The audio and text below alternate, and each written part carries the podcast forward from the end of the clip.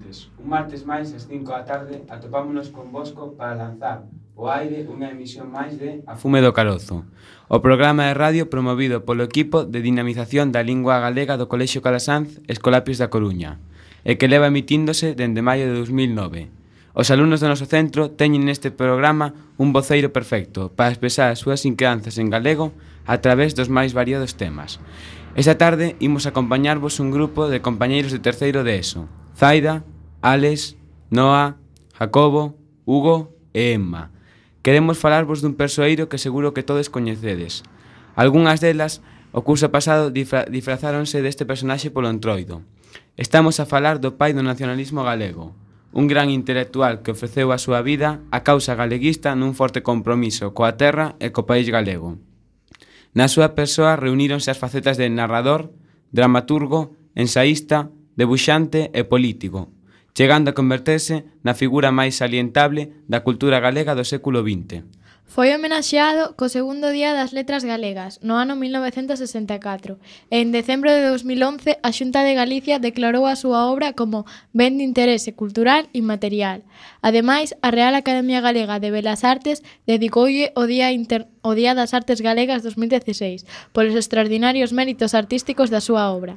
Ademais, estes días estás a lembrar de novo xa que podemos gozar dunha das súas obras pictóricas máis icónicas en Santiago, na Cidade da Cultura. Estamos a falar da obra A derradeira lección do mestre. De quen estamos a falar? Pois de seguro que sabedes de quen pois seguro que sabededes ben. Falamos de Alfonso Daniel Rodríguez Castelao, e esta obra dedicoulla ao seu amigo Alexandre Bóveda, asesinado nos primeiros tempos da Guerra Civil, e que por fin podemos ver en directo en Galicia. Dotado dunha sensibilidade singular, extraordinario debuxante e literario magistral, revelásenos con un profundo coñecedor da psicología do povo galego, que queda por sempre reflectida na súa obra inzada e comprensión e humanidade. Toda a súa produción artística, o mesmo que a súa actividade política, está tinguida de amor polo pobo galego, e a súa figura a cada categoría de mito, xunto con Rosalía, na historia da produción espiritual de Galicia. Castelao é un clásico da cultura galega en todos os campos que abranguen a súa obra, na historia das artes plásticas, na da prosa narrativa e na do teatro. Pola súa significación política e a súa produción ensaística, tamén é un clásico da historia do galeguismo.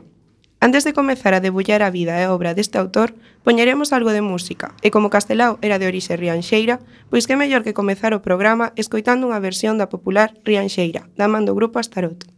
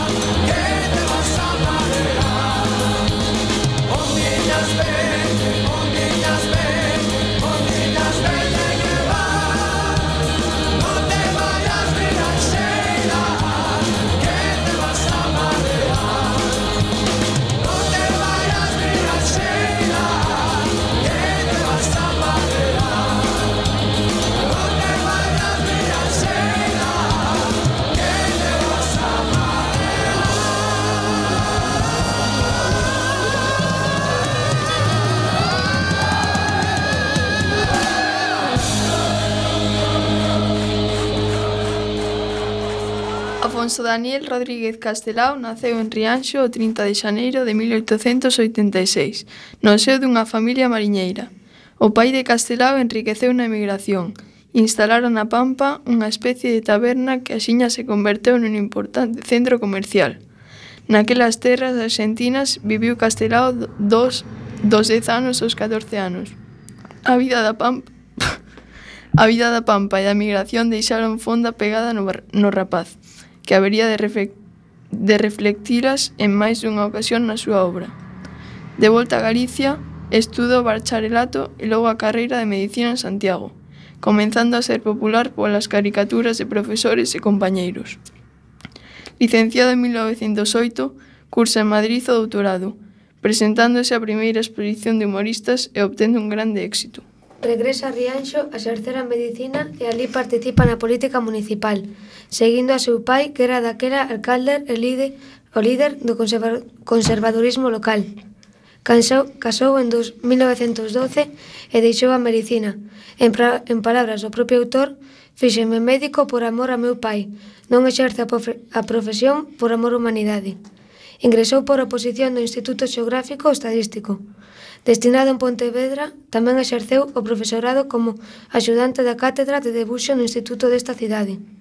Nos anos de esfervescencia do agrarismo, Castelao achégase ao movimento galeguista e nel participa activamente coas irmandades da fala, ao tempo que expón debuxos da conferencia se colabora na prensa da época. Vencellado ao grupo intelectual de Ourense, asuma a dirección da artística da revista Nos e defende a súa fundación en 1920. En 1922 publica a súa primeira obra narrativa, Un ollo de vidrio. En 1926 o primeiro libro de cousas. E ese mesmo ano é elixido membro da Real Academia Galega. En 1927 vese afectado profundamente pola morte do seu único fillo e fai unha viaxe a Francia para estudar os cruceiros bretóns, que deu como froito o libro As cruces de pedra na Bretaña, publicado en 1930. Coa proclamación da Segunda República, Castelao, nas filas do Partido Galeguista, é elixido deputado pola provincia de Pontevedra. E nas Cortes Constituintes fai unha apaixonada defensa da lingua galega. Participa activamente na vida política, especialmente a prol da consecución do Estatuto de Autonomía para Galicia. De 1934 a 1935 foi desterrado de Badaxoz, Logo para a aprobación do referendo do Estatuto de Autonomía, o inicio da Guerra Civil sorprendeu en Madrid, onde se atopaba en calidade de deputado para entregar ao presidente das Cortes o text, das Cortes o texto do Estatuto. Reside en Madrid, Valencia e Barcelona, acompañado acompañando o goberno da República nos seus desplazamentos. En 1968 viaxa a Moscú, onde expón as coleccións de, de debuxos que amosan estampas da guerra. En Nova York, Tamén expón, En esa cidade publica a colección de milicianos, con debuxos sobre o mesmo tema. Viaxa logo a Cuba e, finalmente, establece a súa residencia en Bos Aires, onde funda con outros elixiados a revista Galeguzca. No ano 1946, é nomeado ministro do Goberno da República no exilio.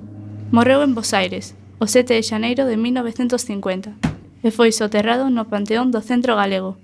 En 1984, os seus restos foron trasladados a Galicia.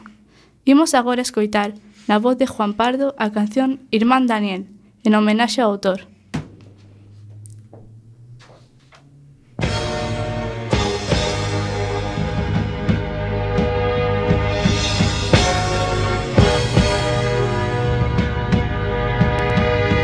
Irmán Daniel na praia de Rianxo caían como vaguas as estrelas. Espallaban teus aies derradeiros Bruantes ventos das andinas serras. E ondas galgantes en cramor chegadas da Pratense Ribeira. Contar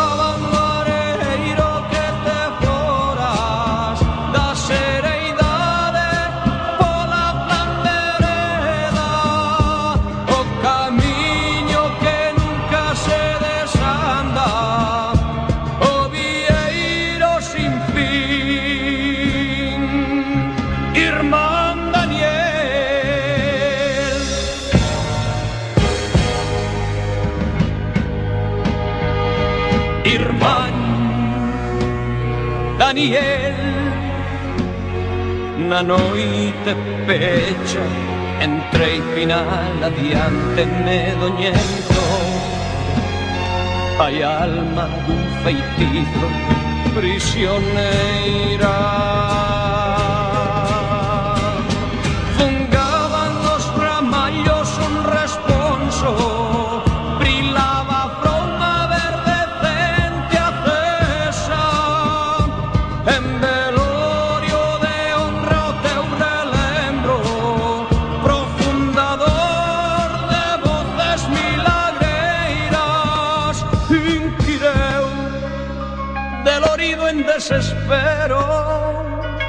que morte morreu a nosa prenda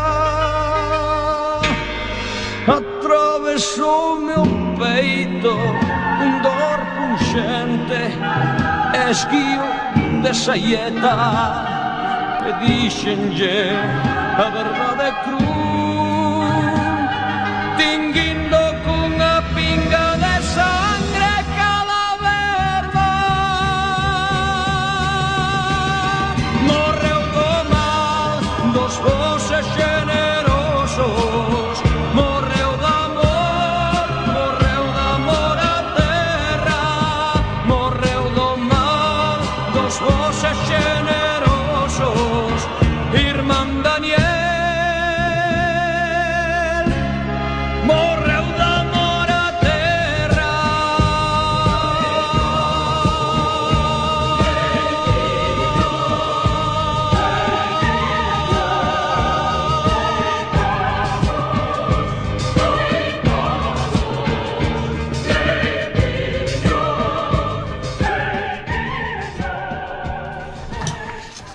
Aínda que rigorosamente coetáneo dos membros do grupo Nós e estreitamente vencellados a eles, Castelao presenta características singulares que o afastan do grupo. A súa procedencia social era máis popular que a dos ourensás, e tamén a súa obra, sen prexuízo da universalidade. É máis próxima ao povo galego, xa que gaña en calor e fondura humanas. Tamén a actividade política de castelao ao longo da súa vida demostra a súa fidelidade absoluta ao compromiso co pobo do que forma parte. A primeira obra narrativa de Castelao é Un ollo de vidrio, publicada en 1922, co subtítulo de Memorias dun esqueleto. No prólogo, diríxese ao lector o propio Castelao, que explica como atopou as memorias do esqueleto que veñen a continuación. Estas son unha serie de secuencias narrativas que non gardan outra unidade que ha de estar contadas por un mesmo narrador, o esqueleto, que lembra sucesos da súa vida pasada a dous colegas de cemiterio, percibidos a través da prótese de vidro que lle tapara de vivo o, co o oco dun ollo perdido. Percíbese nesta obra unha dose de tenrura insual do mestre ourensán e ben significativa da súa concepción do humor a cita de Mark Tawain, inserida por Castelao do inicio do libro, debaixo do humorismo hai sempre unha grande dor. Por iso, no ceo non hai humoristas. Este humor de Castelao non é allaeo a sátira social de carácter anticaciquil. Quixen saber quen fora vampiro do no mundo dos homes e fun ler o seu nome de bronce no rico mármore da campa. O seu nome só abandonoume, fora dun canalla que roubara para dar regaría ao seu bandullo de porco, dono da xusticia, roubada desde a súa confortable casa. Para que dicir máis? Era un cacique. No epílogo do relato, Castelao diríxese novamente ao lector e promete, como continuación destas memorias dun cemiterio de cidade, unha segunda parte na que o escenario sería un cemiterio rural. Para iso, leva o ollo de vidrio ao a un seu amigo enterrado no adro dunha igrexa comandado de que lle escriba canto vexa polo ollo. Non publicou tal a continuación, pero nos queremos lervos o epílogo da obra. Leutor, certo día fitoume unha vaca, que coidara de min, pensei eu. En aquel intra a vaca baixou a testa e seguiu comendo na erva. Agora xa sei que a vaca somentes dixo, bo, total un home con anteollos, e o mellor eu non son máis que o que coidou a vaca. Velaí a leidicia de pensar que cando a miña calibeira este ao descuberto, xa non poderá xuzgarme ningunha vaca. A morte non me arrepía, e o mal que desexo o meu enemigo é que viva ata sobrevivirse. Eu son dos que estruchen a cara para palpar a propia calibeira, e non fuxo dos cemiterios en xamais. Tanto é así que teño un amigo aterrador nun cemiterio de cidade. Este meu amigo non é de certo amigo meu, é somente un obxeto de experiencia, un coelliño de indias. Un enterrador sabe sempre moitas cousas e contaas con humorismo. Un enterrador de cidade que dispe descalza os mortos para surtir as tendas de roupa bella tende a ser home que lle compra un humorista. Un enterrador que saca boa soldada co ouro dos dentes das caliveras tiña que ser meu amigo. Este enterrador tense por home de ben e contame cousas tráxicas que fan rir e contame cousas de rir que arrepían. E coas sorpresas da súa conversa fuxen as horas sen decatarme. Bueno, o conto foi que un día collín o camino do cementerio e atopei o enterrador un pouquiño, non sei como, e despois de falarmos de falarmos moito, díxome que tiña de contarme en segredo unha cousa. Sempre que eu fose home de ben e amigo leal. Eu fiquei un pouco encorado polo medo á sorpresa descoñecida e despois de collerme polo ombreiro e arrechegarme aos seus beizos, podres a miña orella, díxome pa pase paseniñamente. Atopei uns papeles nunha caixa, nunha caixa que non sei de quen sería. O esquelete tiña na calibera un ollo de vidrio que me fitaba con senreira. E o enterrador sacou da rentes do coiro uns, uns papeles enrugados. O enterrador non sabía ler e deumos a min para que llos lese. Eran cachos de periódico, papeles de fumar, todos numerados e no primeiro campaban estas verbas. Memorias dun esquelete. Aquela, aquela letra era traballosa de ler e estaba feita cun garabullo. Cando rematei a leutura, xa comenzara o antre fusco, el usco e o enterrador, moi amocado, Xurou que se non fose por Deus, iñase o esquelete e escachábaselle a caliveira cun sacho. Despedínme dil e cando xa iña pola estrada camiño da cidade, oín que me chamaba dende a porta do cemiterio. Oia, veña cau. E despois que diño e moi soleriñamente deitoume na orella. Vostere que é médico. Non sabería onde mercan os ollos de vidro? E por catro cartos fíxenme dono do ollo de vidro e das memorias. As memorias do esquelete é o que ides ler, a ler. Escoitade, pois, a un home doutro mundo pregándovos por adiantado que non me fagades solidario das súas ideas. En 1926 apareceu o primeiro libro de Cousas, un conxunto de prosas con ilustracións publicadas con anterioridade na prensa. A editorial Nos, en 1929, publicou unha segunda colección e en 1934 unha edición que recolle o contido dos dous libros precedentes. O conxunto das cousas inicia O conxunto das cousas iníciase cunha introducción titulada A carón da natureza, onde Castelao explica que a necesidade de comunicar mensaxes que a pintura non pode expresar foi o que levou a empregar as palabras, a literatura como canle de expresión. Imos lérbola para que a coñezades.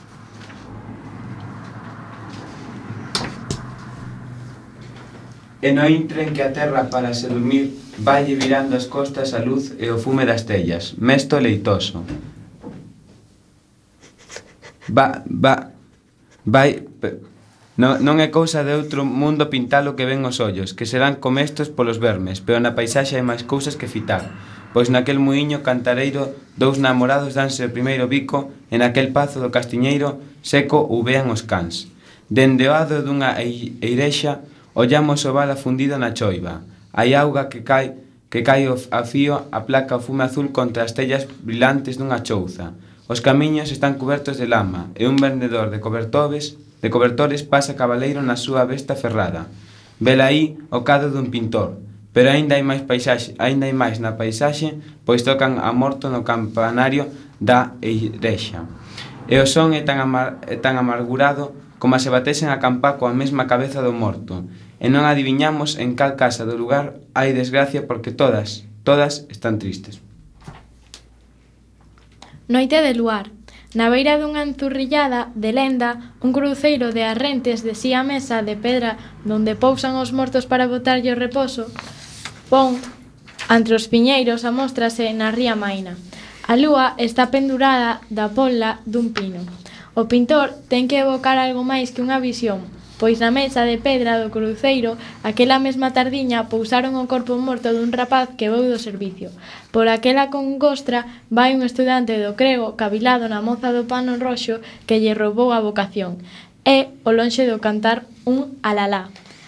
Mañanciña de domingo, os montes de lonxe teñen azures de pantinín. As xestas e os toxos poñen as súas mortiñas marelas na diviña sinfonía verde da paisaxe. Moitas cousas más teñen a paisaxe para un artista, pois unha pola daquela maceira o merro de guerra Xunqueiro, Luicio e Xovial, aínda que agarda polo abade da aldea para darlle os bons días. Choveu onte, as campás da igrexa repen Repenican, unha muñe, unha muñeira e polos carreiros das veigas dan cola embaixo as formiguiñas negras e roxas e veñen á misa. O tempo encalonou cunha tona de ouro e prata o vello castelo feudal. Os esclavos do fisco sachan o millo nas leiras. Entre os algueiros sombrizos do fondo do val avistas a fouce do río. O sol bate no lombo da terra. Todo está disposto para pintar, porque todo é regalía dos ollos. Pero na paisaxe hai máis. Hoxe é víspera de San Xoán, a recén da colo de nai, cantan os grilos e o vento morno trainos de lonxe o son dun bombardino. Mañán lavarémonos con ervas arrecendentes. Anoitecía, a silueta negra dun pino dibuxábase no azul escuro do ceo. Todos sabedes que na primadeira os pinos botan milleiros de velas, collendo isi o aspecto de candeiros xigantes. Cantas veces sentimos desexos de alcender as velas dos pinos? Pois ben, perto do meu pino acertou a pasar o viático aldeán, o crego, dous rapaces, catro mulleriñas que van rezando e, oh miragre, o irmán Pino, sentindo o momento relixioso e en homenaxe á sagrada forma, alcendeu as súas velas, que estiveron accesas na mentre viático non se perdeu na revolta do camiño.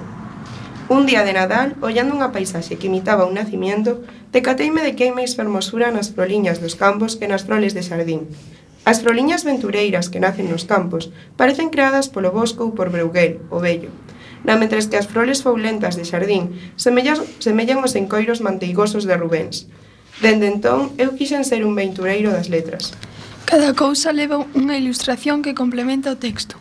Este desenvolve brevemente asuntos de temática variada, en moitos casos de ambiente labrego ou mariñeiro, comprimidos por un procedimento semellante á técnica de debuxo empregada por Castelao. As cousas constitúen a fórmula literaria máis orixinal e, car e característica de Castelao, Narran a historia ou algún acontecemento a diferentes personaxes, pero poden non ter carácter narrativo e ser entroques a lírica, a lírica expresión dun delicado pensamento. Algunhas, atigadas de lirismo e sinxelas na forma, poden ser mesmo consideradas como poemas en prosa. O sentido da cita que encabeza un ollo de vidrio tamén acai moi ben o carácter das cousas. Unha vaga tristeza, reflexo da fonda compresión, e o amor que Castelao sentía polas xentes que sofren, vítimas do azar ou da injustiza. Impregna estas prosas tantas que constitúen un conto triste como as máis cómicas ou desprovistas de intención moralizante. O final de cada unha, fundamental na estructura, está cuidadosamente traballado. Imos lervos unha das que máis nos gustan, O pai do Migueliño. O pai do Migueliño chegaba das Américas e o rapaz non cabía de gozo no seu traxe festeiro. Migueliño sabía cos ollos pechados como era seu pai, pero antes de sair da casa botoulle unha ollada ao retrato. Os americanos xa estaban desembarcando. Migueliño e a súa nai agardaban no peirao do porto. O corazón do rapaz batíalle na tábua do peito e os seus ollos esculcaban nas creas, en procura do pai ensoñado. De súpeto avistouno de lonxe. Era o mesmo do retrato, ou aínda mellor portado. E Migueliño seitu, sentiu por el un grande amor e canto máis achegaba ao americano, máis covida sentía o rapaz por enchelo de bicos. Ai, o americano, pasou de largo sen mirar para ninguén e Migueliño deixou de quererlo. Agora sí que o era. Migueliño avistou outro home moi ben traxeado e o, e o corazón dáballe que aquel era o seu pai. O rapaz debecía por, por bicalo a fartar. Tiña un porte de tanto señorío. Ai, o americano, Pasou de largo e nin tan sequera reparou en que o seguían ollos sangurentos dun neno. Migueliño escolleu así moitos pais, que non eran, e a todos quixo totalmente. E cando esculcaba con máis anguria, fixose cargo de un home que estaba abrazando a súa nai. Era un home que non se parecía ao retrato, un home moi fraco, metido nun traxe moi frouxo, un home de cea, de cera, coas orexas fora do cacho, cos ollos encobeirados, tusindo. Aquel si que era o pai de Migueliño. Imos facer unha nova pausa musical e de seguida volveremos a estar convosco. Escoitamos agora a canción Compañeiro de Daniel, na voz de Suso Bahamonde.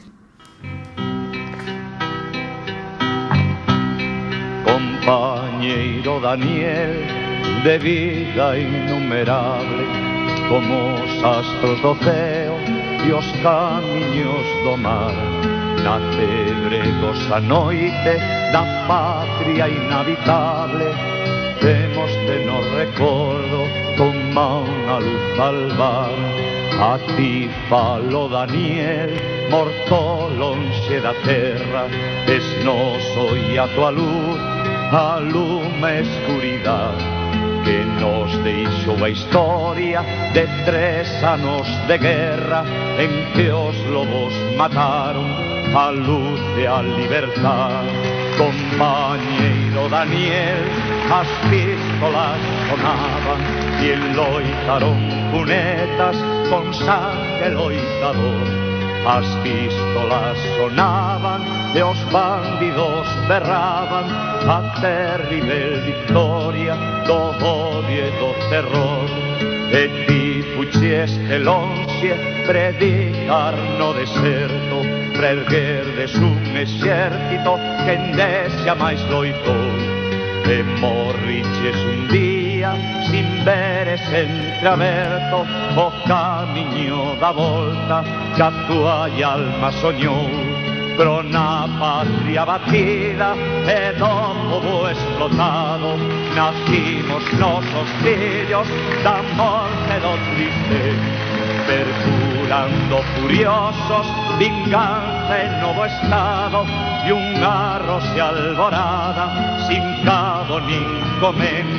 Y activo compañero que un huracán alegre mató desesperado, naufragado mar, prometemos la terra d'una Galícia ceibe, tres terra los teus osos,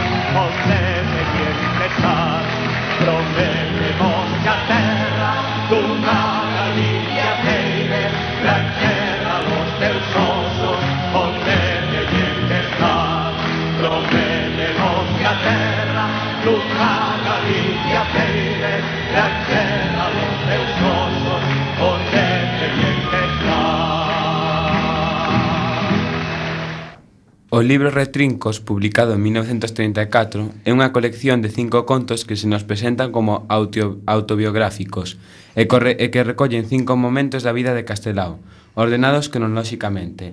Hai retrincos en carne viva que poden mostrarse tal como se conservaran na memoria e aínda convén certificar da súa autenticidade. Son esas cousas que lles pasan a un e que dá gusto que se crean cando se contan. Por iso, eu ofrezo vos hoxe un anaco da miña vida e prégovos que os tomedes por certos e verdadeiros, pero se coidades que son mentiras, eu perdóvos por edentado. A primeira historia, O Segredo, relata unha anécdota da estancia do neno Castelao entre os gauchos da Pampa. Un gaucho morrera na pulpería que tiña seu pai, e este ordenou ao fillo que cardase silencio para que non chegase a noticia a nai, que estaba asustada pola vida brava daquelas xentes temerarias. Mentre vivimos naquel deserto, miña nai non se decatou de que calquera de nós Podía morrer ali e podía ser soterrado como un can. Eu souben guardar o segredo. O segundo relato, o inglés, tamén se desenvolve na Pampa Argentina, nos anos da Guerra de Cuba. O conto comeza coa declaración seguinte. Eu quixen asesinar a un inglés por patrimonismo. O neno, Castelao, pintaba na pulpería do seu pai os barcos da escuadra española, e un inglés que ás veces dormía ali ríase da exaltación patriota do, do pequeno debuxante. Tras o desastre, en Santiago de Cuba, as mofas do inglés ferriron ao neno, que argallou un plan para asesinar a este. Pola noite, cando soasen as dúas, achegarías en silencio a cabo do inglés para lle espetar un coitelo na gorxa. Aquela noite, deiteime cos ollos ben abertos, apreixando na man o coitelo de matar os carneiros. O reloxío do comercio tardou tanto en dar as dúas que fun vencido polo sono. Cando espertei, batía o sol no lombo da pampa, o inglés salvarase de milagre. O terceiro relato, Peito de Lobo, preséntanos ao castelán estudante en Compostela. Ocorreráselle facer, para as festas de Rianxo, un cabezudo que reproducía o rostro dun mariñeiro coñecido polo alcume de Peito de Lobo. O mariñeiro alporizouse con aquela reproducción grotesca de si sí mesmo e quería vingar al traxe pero co tempo foise amigando con Castelao e coa enorme cachola de cartón, orgulloso de se sentir un pouco inmortalizado. Andando os anos, o mariñeiro foi avellentando e tamén se foi derramando o cabezudo de cartón.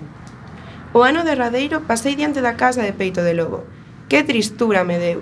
Estaba no balcón, sentado, semellante a un monifate de farrapos, encostado no corpo vivo da súa compañeira. De pasada saudeino con agarimo, Peito de lobo miroume con ollos de peixe podre, e a súa muller díxome con baguas nos ollos. Alá se foi o cabezudo, señor. O penúltimo relato, o retrato, é unha fermosa anécdota de cando Castelao xa deixara a medicina, a curación imposible para un médico e o milagre feito po polo pintor. Sen dicir nada, senteime a debuxar o que ollaba nos meus ollos de terra, e soamente ao cabo de algún tempo conseguín facerme o drama que fitaba, e aínda esquecendo un esquecer un pouco para poder traballar afervoado, como un artista. E cando o deseño estaba xa no, no seu punto da voz de Melchor, agra, agrandada, por tanto en silencio, feriume con estas verbas.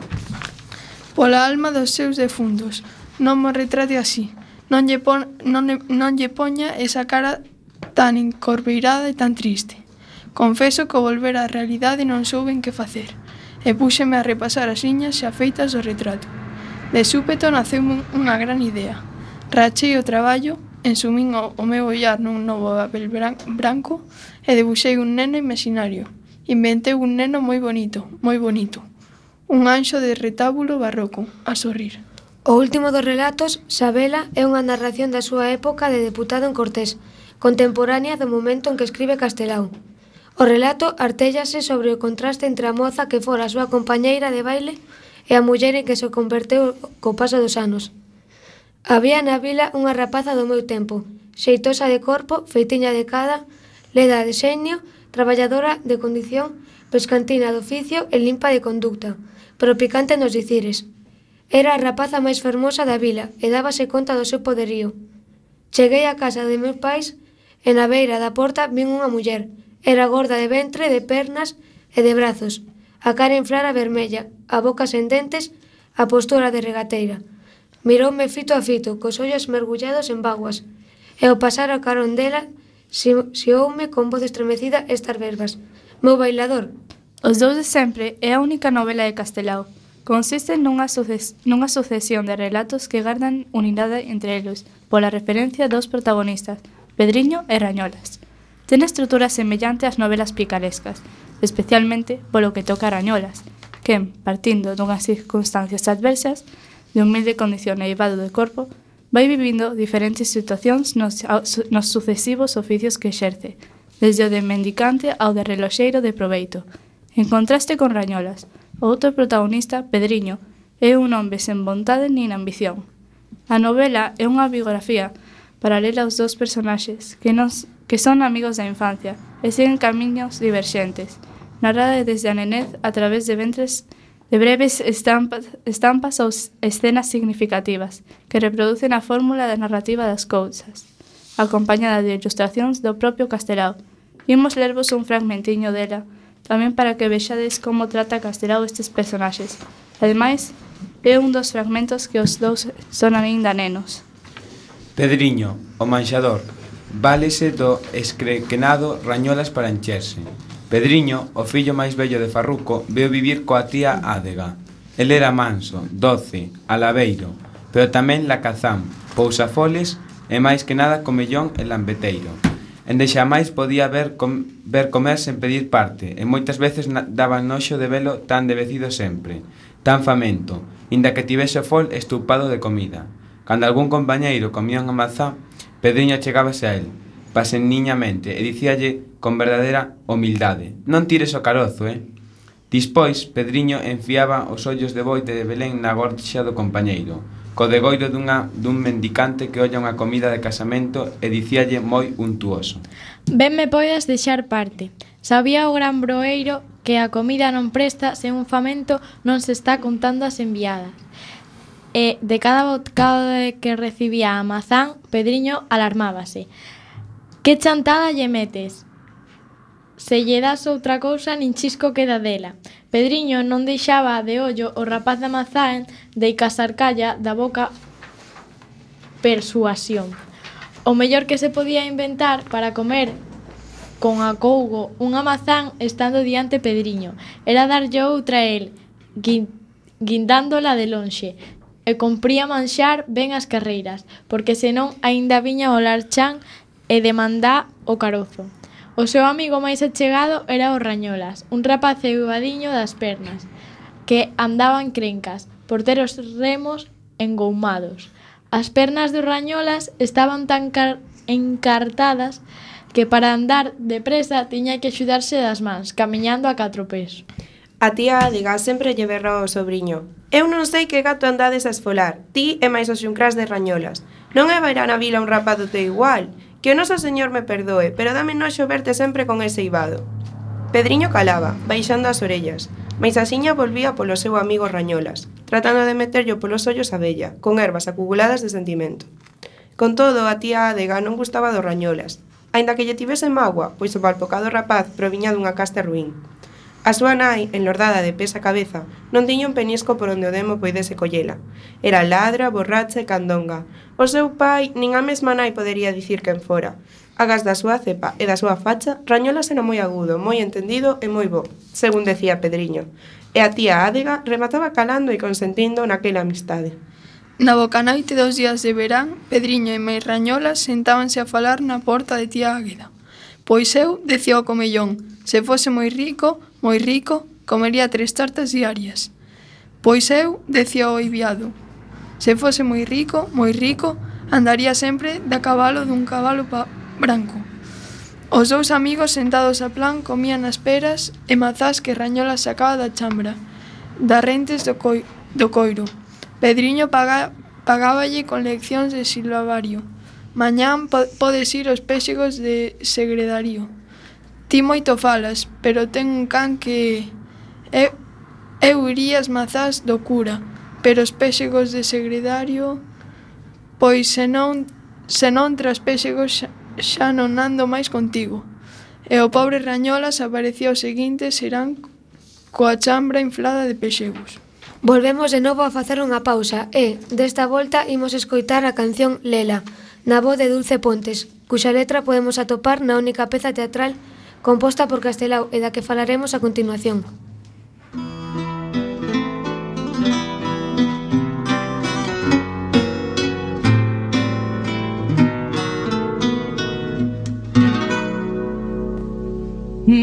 Están as nubes sonando por un amor que morreu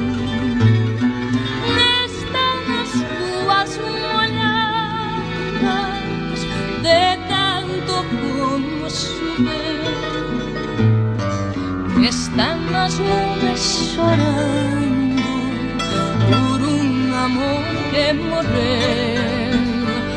Están as rúas molladas de tanto como chover.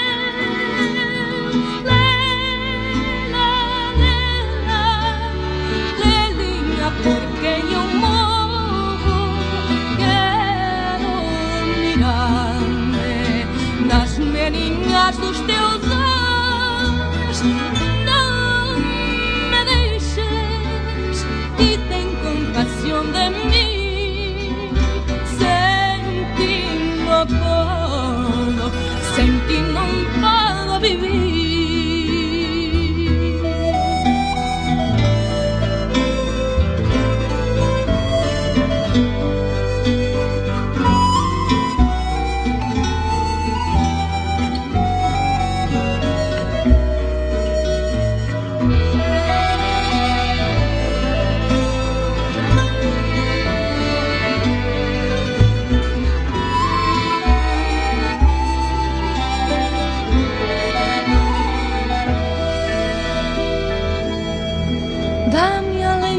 as túas palavras Dame serme do teu corazón. Dame lume cas túas miradas Dame vida ca teu doce amor Dame alento cas túas palabras Dame serme do teu corazón.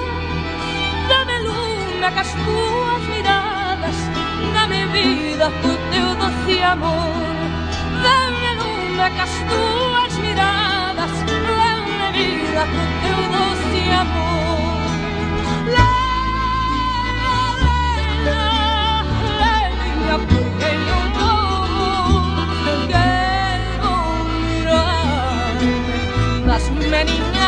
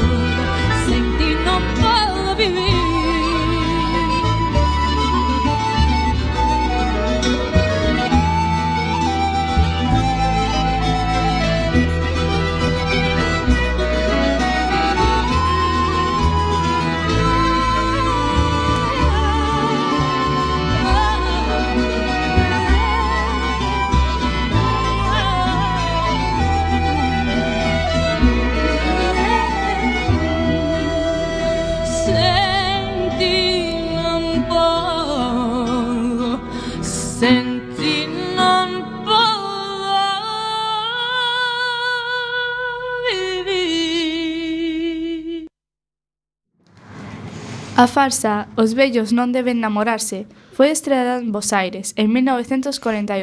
Segundo Castelao, é unha obra imaginada por un pintor e non por un literato. Consideración que gaña importancia se temos en conta os relevantes que son na obra os artificios escenográficos, a iluminación, a variedade cromática dos decorados e das roupas dos personaxes as máscaras que estes levan. Son elementos cardinais desta artimaña escenográfica, onde xogan o amor e a morte de tres vellos imprudentes. O boticario don, Santu, don Satuario, que non aturou a falcatruada de Lela, e mátase con Solimán da súa propia botica. O fidalgo don Ramón, que por un bico de Micaela morre deitado no esterco, e o vinculeiro señor Fuco, que por casar con Pimpinela morre de felicidade. O motivo do vello namorado repítese tres veces, en versións diferentes nos tres lances que con, de que consta a obra. Cada un dos lances presenta uns elementos que teñen o seu paralelo nos outros. En cada lance hai un vello namorado dunha moza, e dun mozo rival do vello, e nas súas pretensións amorosas. A morte, que aparece como un personaxe, advirte dos advirte en cada un dos lances ao vello do risco que conleva o seu namoramento serodio. Outro elemento fundamental son os personaxes secundarios, que teñen unha función semellante á do coro da traxedia clásica. A obra remata cun epílogo no que os tres vellos se encontran no cemiterio despois de mortos, láianse do seu imprudente namoramento e coñecen, grazas a un defunto chegado alí, noticias das súas respectivas mozas.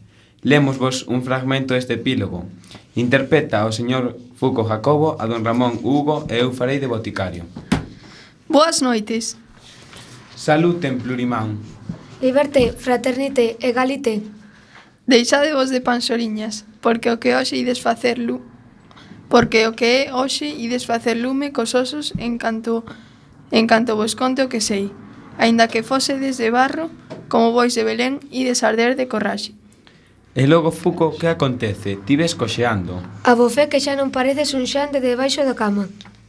Non abondoaba con que o enterrador me roubase os boreguíns, que eran noviños do trinque. Ese fillo de mala besta meteume un defunto no nicho, esmagándome, sabedes, na miña vida nin nome máis animal. Deixou caer a caixa do defunto en riba de min e partiume un oso da perna dereita. Pobre Fuco. E quen é o defunto? Porque supoño que será da túa familia. Será Pimpinela, que non podía vir sen ti e ben facerche compaña. Pimpinela, Pimpinela, sabede que casou con aquel rapaz que a rondaba, un lacazán, e que agora os dous dormen e folgan, e fan o pescozo e o ventre gordos a miña conta.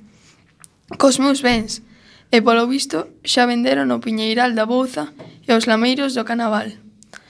Larcháns, destragadores, digo vos que hoxe estou como para facer chatolas cos dentes. E, que, e quen che contou semellantes contos? Foi o defunto que che meteu no nicho? Foi, e a miña sogra. Esmagou unha sogra, partillo unha perna. a pobre di que morreu dun aire de felesía, pero debeu morrer de flato, porque cheira que fede. vas ter cheiro para un ano e cheiro de sogra. Non te rías tanto, Ramonciño, que vas chorar. A pobre fala con moito traballo porque xa ten a lingua podre, pero así é todo, pero así é todo. Contoume algunhas cousas e tamén trouxo novidades para vos. Conta, conta. Vela aí vai. Escoita ti primeiro, Ramonciño, porque vas arder, e non de risa. Como a xustiza atopou no peto da túa chaqueta un, estri... un escrito no que lle deixabas a Micaela unha finca das mellores, e todos sabían que xa lle tiñas pasado outras. Agora ela di que vivía en pecado mortal contigo. Iso non é certo. A miña sogra nunca mentiu de ninguna cousa. Pero de que ti non pasaches de trocar as leiras por bicos, iso saben as pedras. O certo é que a Micaela vivía co portugués, pero agora di que vivía contigo. E como ti fuches un papeleisón, un panarra... Non fagas menos de min, paifoco, e fálame co respecto debido. Agora todos somos un, liberté, fraternité, egalité. Pero escoita, Ramonciño, que agora ven o mellor. A Micaela ten un fillo, sabes? Un fillo? e como lle naceu a pouco de morrer Esti, pois buscou un abogado de zona e armou contenta sobre os teus bens, porque xura que o fillo é teu, e non lle faltan probas de que ti andabas en amoríos con ela. Tiña non tiña razón de que ella arder de carrasa. Ah, Galdrumeira, se algún día ven a este cemiterio, vou mallar nela como mallou Santiago dos Mouros. Male o día que puxen os ollos en semellante baldreu. Panarra de min, Papai Lisón, e vanse quedar cos meus bens e co meu señorío. Como se vai rir de min o portugués? A Micaela non é parva, non. Chimpou o portugués fora de sí, pero todo sin que voltará cando a xustiza faga sentencia. Tamén a Micaela e o portugués van folgar e criar touciño a túa conta. Que nos verá tomando a raxeira do sol na solaina do Pazo? Cadráronche vos herdeiros, Ramonciño. A bonda de burlas, Fuco porque son capaz de tronzarche a outra perna e deixarte baldado para sempre. Non te alporiques, homi, que moito máis te burlaches ti de min falándome de Pimpene, Pimpinela. E para min non traes novas ningunhas. Tamén hai algo, pero máis livián. A túa lela casou co carabineiro e xa teñen catro fillos. Malpocados rapaces, mellor sería que fosen fillos dun boticario. As túas irmás venderon a, bo a botica e viven como catro fantasmas agardando a morte e chorando por ti. Coitadiñas, Polo menos morrestes de morte, na, de morte natural, pero eu mateime. Fun tan parvo que non podía vivir sen lela. Ti matácheste con Solimán da túa botica e eu mateime con Solimán da viña bodega e co viño das tabernas. Morrín como un sapo entre dous espantallos. A min a non puido ter un remate máis vil. Tamén eu me matei con Solimán do meu corazón. Tamén eu me matei. Non te queixes, Fuco, porque ti polo menos morriches farto de felicidade. Esta vellón morreu afogado en mel. Ningún de vós morreu tan abodecido como a min. Ti, Saturio, adorm adormetacheste con rapaces da túa botica para morreres sen dores. Ti, Ramón, morriches atordado polo viño e non te decataches o teu pensamento. A miña morte foi arrabiada. Morrín como un can de rabia, como que a olla como quen olla unha fonte de auga pura e non pode bebela. E morrín de sede. Morrín por namorarme de bello. Ímonos deitar. Ímonos. Por namorarme de bello. Por namorarnos de bellos.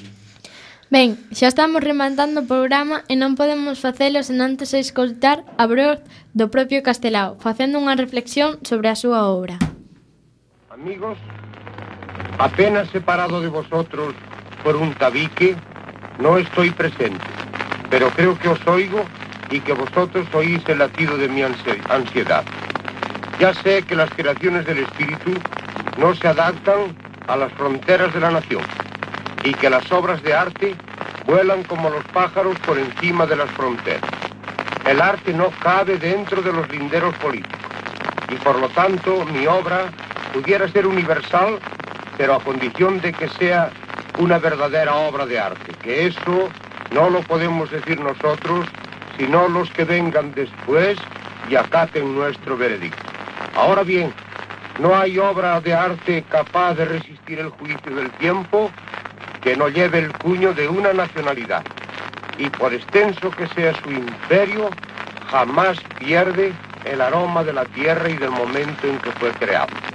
Así esta obra mía no pasa de ser un simple experimento artístico, pero aunque mereciese ser traducida a todas las lenguas del mundo, jamás dejaría de ser una obra de arte gallego, porque está hecha con zumo de tierra y miel de tradición gallega, y fue imaginada para regalía del pueblo gallego que si no alcanzó su destino verdadero, se presentó por primera vez ante una colectividad de muchos miles de gallegos y se entrega por segunda vez a la emoción de los gallegos de Montevideo y de nuestros hermanos uruguayos. Es todo cuanto se me ocurre decir pensando en que mi obra será bien acogida por el público que asiste a presenciarla y por la crítica de este país admirable que siempre ha tenido un lugar en mi corazón cuando vivía en Galicia y hoy más próximo a él ocupa todos mis sentimientos de fraternidad. Muchas gracias.